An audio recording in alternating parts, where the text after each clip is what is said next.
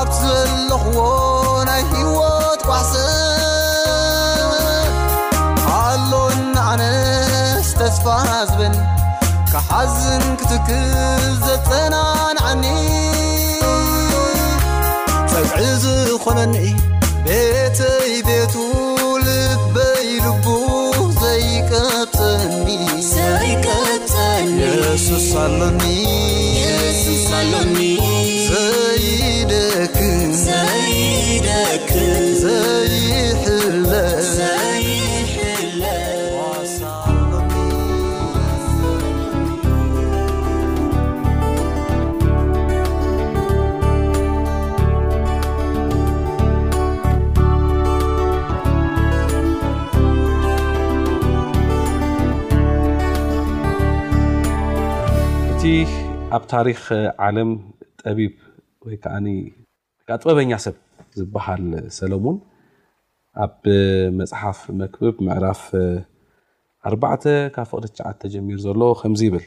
ብጻዕሮም ጽቡቕ ጻማ ስለ ዘለዎም እንተወደቑ እቲ ሓደ ንብጻዮ ተንሰኡ እዩ እሞ ካብ ሓደስ ክልተ ምዃን ይሓይሽ እቲ በይኑ ዘሎ ግና እንተወደቐ ዘተንስኦ የብሉን እዩሞ ወይልኡ ከምኡ ከኣ ክልተ ብሓደ እንተ ደቀሱ ይማወቑ ሓደ በይኑ ግና ከመይ ኢሉ ይመውቕ ገለ ነቲ በይኑ ዘሎ ሓደጋ እንተ ወደቖ ክልተ እዮም ዝቃወምዎ ብሰለስተ ዝኸረረ ገመድ ቀልጢፉ ኣይብተኽን ይብል ሰላም ጥዕና ይሃበለይ ክቡራትን ክቡራንን ተኸታተልቲ መደብና ሎማዓንቲ ፍልይ ብዝበለ መገዲ ኢና እዚ መደብ እዚ ናባኻትኩም ከነቕርቦ ደልየ ዘለኹ። እዛ ጥቕሲ እዚኣ ከኣ ዝጠቐስኩላ ምኽንያት ኣለኒ። ኣብቲ ናይ ዝሓለፈ ሰሙናት ብሓንሳብ ዝረኣናዮ ዛንታ ሓፍትና ትርሓስ እዩ ነይሩ ዛንታ ሓፍትና ትርሓስ ተስፋይ ትዝክሩ ተኮይንኩም እቲ ዘሕለፈቶ ከቢድ ዝኮነ ናይ ጥዕና ፀገም እዩ ነይሩ እግዚኣብሔር ከዓኒ ከመይ ገይሩ ብዝገርም ጥበብን ብዝገርም ዘደንቕ ስራሕን በቲ ናቱ መገዲ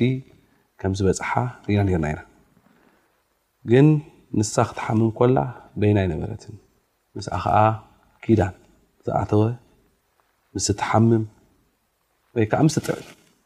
ምስ እትረክብ፣ ምስ እትስእን፣ ኣብ ኩሉ ምስኣ ክኸውን ኪዳን ዝኣተወ ኸኣ በዓል ቤት ኣለዎ። ንኸምኡ ውን እዩ። ብጻዕሮም ጽቡቕ ጻማ ስለ ዘለዎም እንተ ወደቑ እቲ ሓደ ንብጻዩ የተንስእዮ'ሞ ካብ ሓደስ ክልተ ምዃን ይሓይሽ ዝብል ጥቕሲ ዝጠቐስኩ። ክልቲኦም ሓደ ስጋ ክኾኑ ከለዉ እቲ ሕማም ናይ ክልተ እዩ ዝኸውን። ስለዚ ምስኣ ዝሓመመ ምስኣ ዝተቆንዘወ ስለዚ በይና ኣይኮነትን ሓሚማ ነይራ በዓል ቤታ እውን ምስኣ ሓይሙ ነይሩ እዩ እቲ ቃንዛ እውን ናታ ጥራይ ኣይነበረን ናቱ እውን ነይሩ እዩ ስለዚ ሎማዓንቲ በዓል ቤታ ሓውና ሳሙኤል ዘካርያስ ኣብዚ ኣብ ኣዲስ ኣበባ ኣብ ዝርከብ ስቱድዮና ዓዲምናዮ ኣለና እሱ ከዓኒ ብናቱ መገድን ብናቱ ርድኢትን እቲ ዝነበረ ኩነታት ክገልፀልና እዩ ሳሚ እንኳዕ ደሓን መፃኻ ቀዲምካ መቸ ድንጉይ ኢለካ ምሽ ሓቂ ቁሩ እስከ መጀመርያ ናብቲ ዝተፈጥረ ኩነታት ቅድሚ ምምጻእናሲ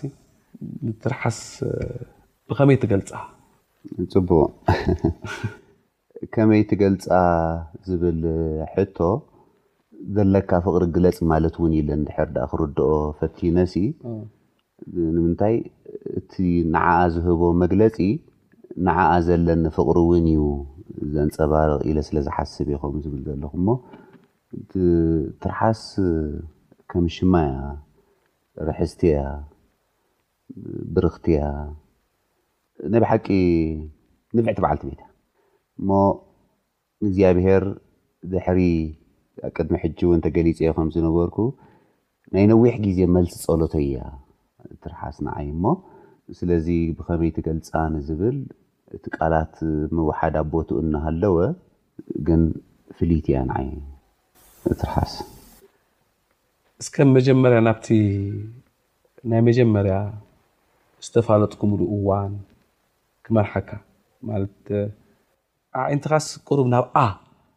ንክምዝን ወይ ከኣ ናብኣ ንክርኢ እሞ ከኣ ክብድ ንክትብል ኣብ ዕንትኻስ ሞጎስ ንክትረክብ ተበልናዮ ዶ ሕሽ ዝገበሮ ነገር ታይ እዩ? ቅድሚ ሕጂ ኣብ ኢንተርቪው ጌርካለይ ከለኻ ሮቢ ገሊጸዮ ነይረ ሕጂ እቲ ዝበለጸ ጽባቐ ትርሓስ እቶም በዓል መልክዕ ቁመና ኩሎም እዚኣቶም ኣብውን ትንእስ እኳ እንተዘይኮነት ልዕሊ ማንም ግን ምስ ሰባት ዘለዋ ቅርበት እዩ። ስለዚ ንመንደፈራ ነገልግሎት ኣብ ዝኸድኩሉ ግዜ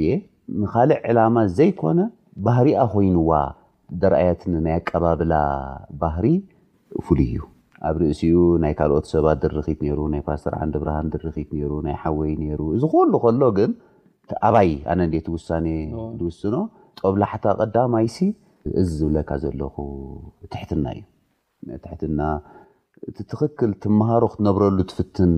ሰብ እያ። ስለዚ እግዚኣብሔር ጸግኡ ኣብዚሑላ ኣብቲ ናይ ትሕትና ባህሪ ብዘለዋ መሰረት እዚ እዩ ቀዳማይ ተምሳጥ ናተይ ብዛዕባ ዝያዳ ክሓስብ ዝገበረኒ። ሕጂ ኣብቲ ቀሊል ኣይኮነን ሕጂ እግዚኣብሔር ይመስገን ሓሙሽተ ደቂ ኣለውኹም ኣደ ሓሙሽተ ቆልዑ እያ። እቲ ከመደ መቸም ንዓኻ እኳ በዓልቲ ቤትካ ተኾነት ሰበይትኻ ተኾነት ግን ከመደ ከመይ ዓይነት ኣደ እያ ትርሓስ ንደቃ ሕልፍ ትብል እያ ደሓር ወላ ዕድል ረኺቦም ደቀይ ዝሕቶ እዚ እንተዝሕተቱ ሲ ዋእ ከም ማማ እዮም ዝብልዋ ከም ማማ ፍጹም የለን ኢሎም ምተዛረቡ ኢለ ይሓስብ ኩሉ ውሉድ ብዛዕባ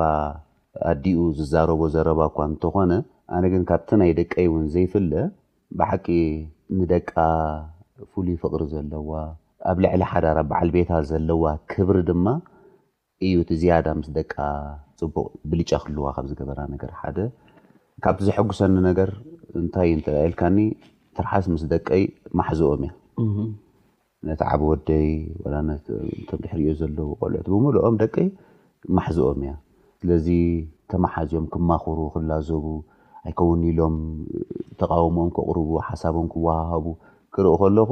ዕግብ እየ ዝብል እሞ ስለዚ እታ ደገኛ ሰበይቲ ኣብ መጽሓፍ ቅዱስ ገሊጽዋ ዘሎ ንሰብኣይ ተበርክቶ ኣበርክቶ ምሽ ጠቒሱ ኣሎ ደቃ ከኣ ከምዚ ይብልዋ ኢሉ እውን ይዛረብ ንጉስ ሰሎሞን ልክዕ ከምኡ ዓይነት ነጸብራቕ እያ ኣብ ቤተይ ዝርኢ። እዚ ግን ክከሓድ ዘይብሉ ምስ ኩሉ ከም ሰብ ትጎድሎ ጉድለታት እናሃለወ እሱ ከም ዘሎ ኮይኑ እንዲና ንዛረብ ዘለና ንመንፈሳዊ ነገር ትህቦ ነገር ቦታ ዓብዪ ይመስለና ኣነ ትርሓስ ክሪኣ ከለኹ እኳ ሓደ ሓደ ግዜ ነቲ ኣካዳማዊ ዝኾነ ነገራት ደቅና ብካልእ መገዲ ንክዓብዩ ንክኾነሎም ንክዕወቱ ክሳኻዓሎም ሳክሰስፉል ክኾኑ ኢና ንምነ። እዚ ከም ዘሎ ኮይኑ ክሪኣ ከለኹ ንመንፈሳዊነት ዘለዋ ነገር ትህቦ ቦታን ክብርን ዓብይ ይመስለኒ ኣነ እኳ ብደገ ኮይነ ክሪኦ ከለኹ እቲ ግምተይ ከመይ እዩ? እንታይ ይመስለካ ሓደ ሰብ ንመንፈሳዊ ህይወት ልዑል ግምት ይህብ እዩ ኣይህብን ኢልና ክንዛረብ እንተደኣ ኮይና፣ ንዓይ ከም ሳሙኤል ክሪኦ ከለኹ ነፍሲ ወከፍ ዝሓስቦ ሓሳብ ምስ ካልኣይ ምጽኣት ናይ መድሓኒና የሱስ ክርስቶስ እናተሓሓዘ ዝርኢ እሞ ኣብ ትሕቲኡ ዘሎ ለውሃት፣ ትሕትና፣ ምቅብባል እዚታት ኩሉ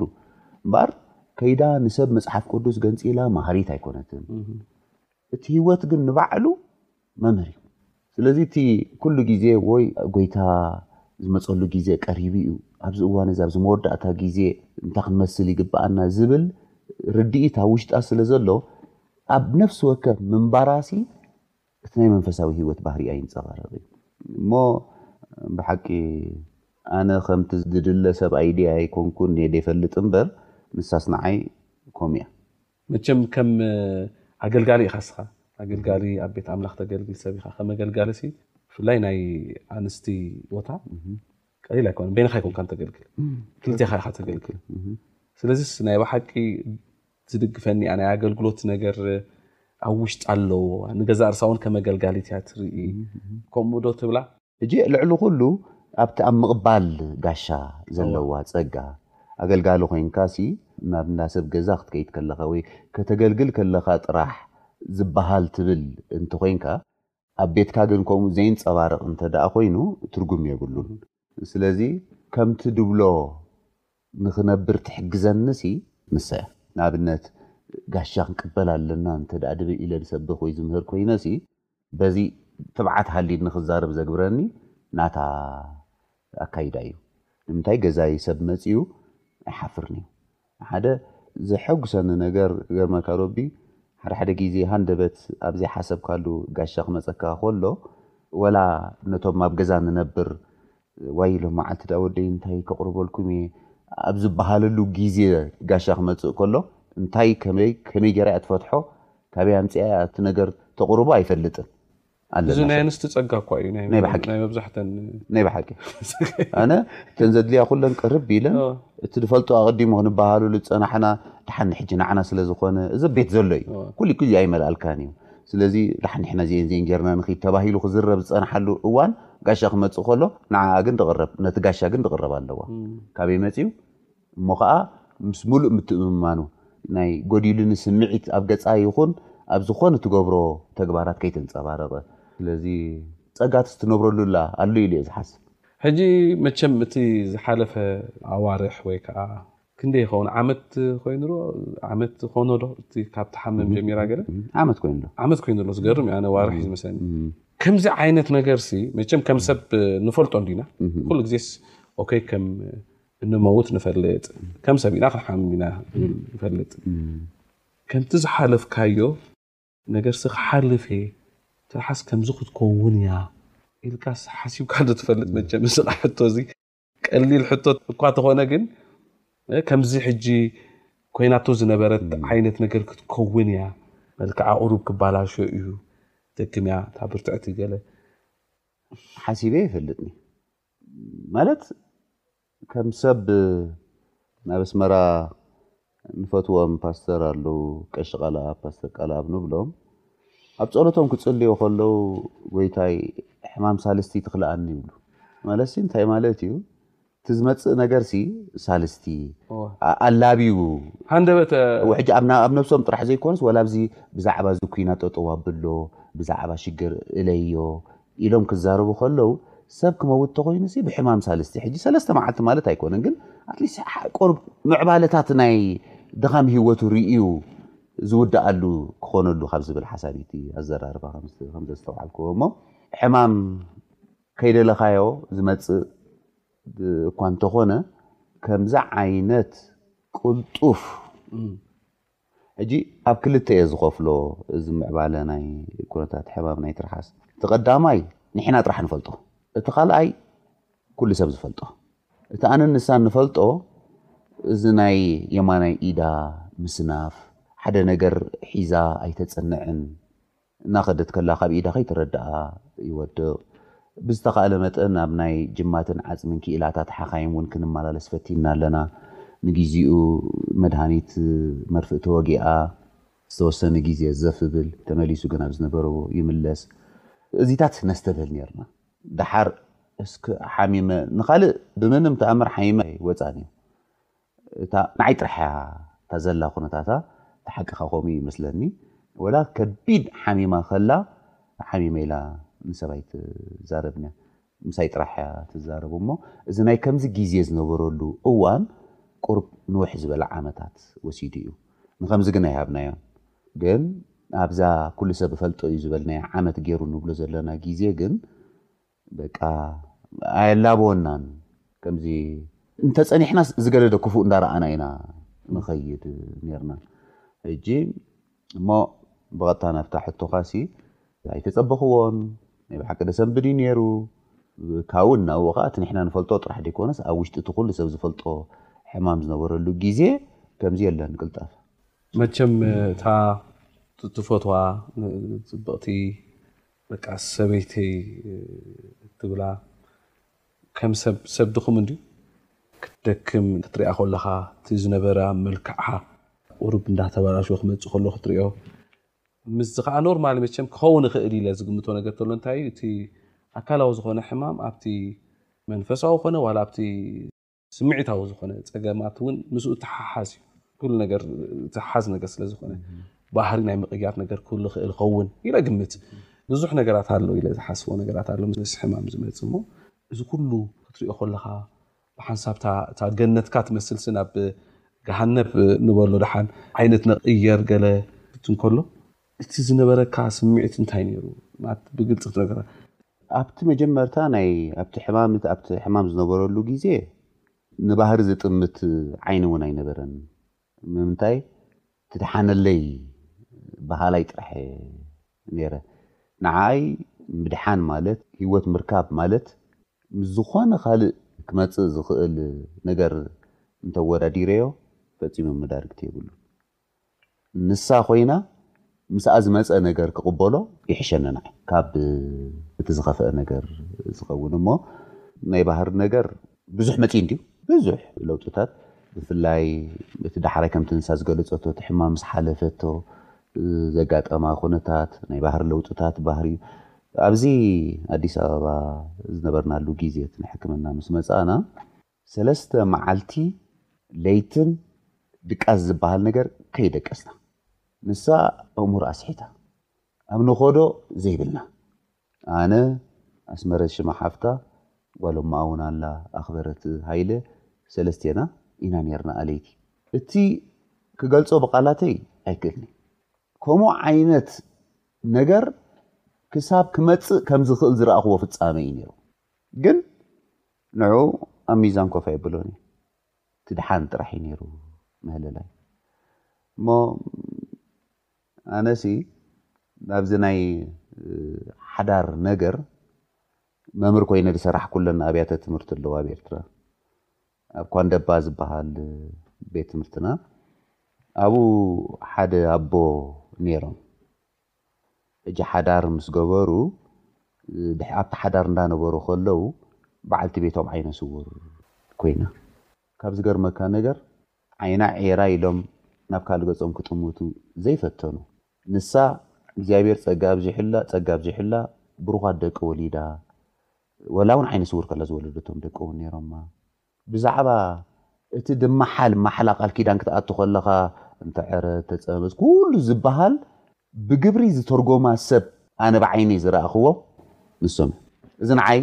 ብኣፈይ ኣውጺኤ ምስኦም ኣይዛረቦ እንበረ ኣብ ውሽጠይ ግን ጦብላሕታ ኣለዎ እዚ ኣነ ሓሊፈዮ ወይ ይሓልፎ ኣለኹ ኢለ ዝዛረቦ ነገር ምስቲ ናቶም ዝወዳደር ኣይኮነን። ካብታ ናቶም ተማሃርክዋ ነገር ግን እንተ ኢልካኒ ግን ኪዳን ማለት ክሳብ ክንደይ ብፍቕሪ ይጠምረካ ዘገርም ነገር እዩ። እሞ ካብ ዝገርመካ እቶም ደቂ እዞም ሰብ እዚኦም ሲ ናብ ንሕድሕዶም ዘለዎ ፍቕሪ ኣነ ደስ ዝብለኒ ብሩኻት ቤተሰብ ስለዚ እዚ ንዓይ ሞዴል ነይሩ ማለት እዩ እቲ ነጥቢ እሞ ናይ ባህሪ ሲ ከም ዓቢ ጉዳይ ዝዝረብ ሲ ኣይኮነን እዚ እኳ ድሓልፉ ኣለዉ ክንደይ ብሩኻት ቅዱሳት ሰባት ከምዚ ዓይነት ነገራት ከጋጥም ከሎ መብዛሕትኡ ግዜ ሰባት እንታይ ይብሉ እቲ ስነ መለኮታዊ ዝኾነ ርድኢት እንዲ ከምዚ ዓይነት ነገር ዘጋጥምሲ ዝኾነ ምስ ኣምላኽሲ ምስ ኣምላኽ ኣምላኽ ደስ ዘይብሎ ወይ ከዓ ባህ ዘይብሎ ነገር ተገይሩ እዩ ከምዚ ዓይነት ነገር ዝወርድ ናብ ከምዚ ዓይነት ነገር ደረጃ በፂሕካ ኢልካ ኣይበፃሕኩን ማለት ኣነ ልክዕ ከምቲ ዝምህሮ እነብር ኣለኹ ኢለ እኳ እንተ ዘይሓሰብኩ፣ ግን ከኣ እቲ ትብሎ ኩሉ ግዜ ንዓኻ እውን እንድሕር ደኣ ዘይልውጠካ ኮይኑ ትርጉም ስለ ዘይብሉ፣ ኣብዘን ኩለን ፍጻመታት እዚ ዝሓለፍናዮ ከቢድ እዋን ሓንሳብ እትኹን ንኣምላኽ ኣማሪረ ኣይፈልጥን እየ። ኣምላኽ ኣምጽእዎ እውን ኣይበልኩን። እንትርፎ ብደኻምና እግዚኣብሔር ከኣ ንጽቡቕና ንሰናይና። ሓንቲ ኣላ ናይ ኦርቶዶክስ መዝሙር ተመስገን ጥራሕ ትብል።